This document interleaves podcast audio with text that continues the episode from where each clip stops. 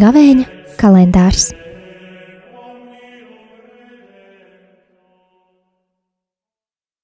Divdesmit sestais marts, sestdiena. Lasījums no pravieša Oseja grāmatas. Nāciet, atgriezīsimies pie kunga. Viņš mūs savainoja, un viņš arī dziedinās. Viņš mūs sasita, un viņš arī aprūpēs. Viņš mūs atdzīvinās pēc divām dienām, trešajā dienā mūs piecels, un mēs dzīvosim viņa priekšā. Iepazīsim un centīsimies iepazīt kungu. Viņa atnākšana ir tikpat droša kā rīta ausma, un viņš nāks pie mums kā agrīnais lietus un kā vēlīnais lietus, kas atveldzē zemi. Ko lai es daru tev, Efraim? Ko lai es daru tev, Jūda? Jūsu mīlestība ir kā rīta mākotnis un kā rīta rasa, kas ātri nozūd. Tādēļ es šaustīju viņus ar praviešiem, nonāvēju ar savas mutes vārdiem, un mans likums uzausa kā gaisma. Jo es vēlos mīlestību, nevis kaujamo upuri, un dieva pazīšanu vairāk nekā dedzināmos upurus. Tie ir svēto rakstu vārdi.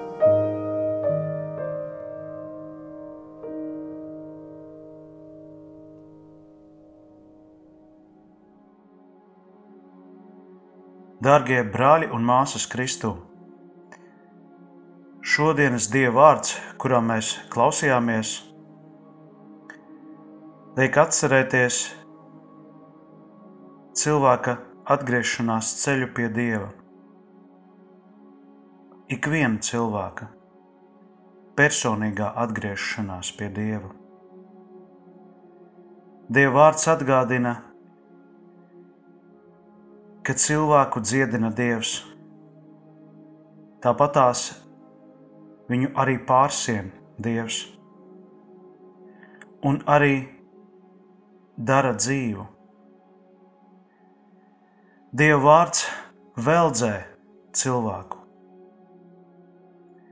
Ja konkrētāk, tieši cilvēka sirdi, kur ir grēka skarta, kur ir ievainota,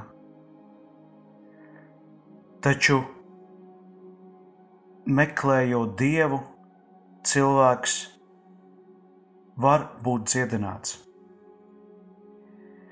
Un saņemot šo dziedināšanu, cilvēks katru mirkli spēj atcerēties arī par to, ka Dievs ir klātesošs, un Viņš vēlās mīlestībā darīt savus darbus. Vēl Dieva vārds atgādina par upura nozīmi, vai konkrētāk sakot, kāda ir upura došanas noskaņa, motīvi.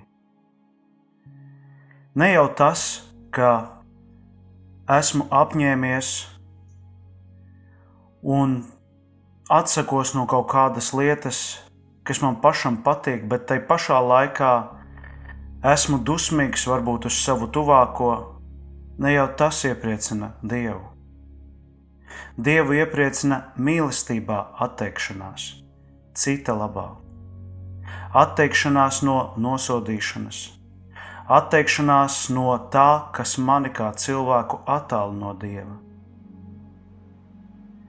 Taču tas, kas attālina no Dieva, grēks, katram cilvēkam ir jāatklāj arī savā ceļā. Un gavēņa laiks ir lieliska iespēja, lai ieraudzītu, nožēlotu, vērstos pie Dieva un ļautu Dievam mainīt sevi.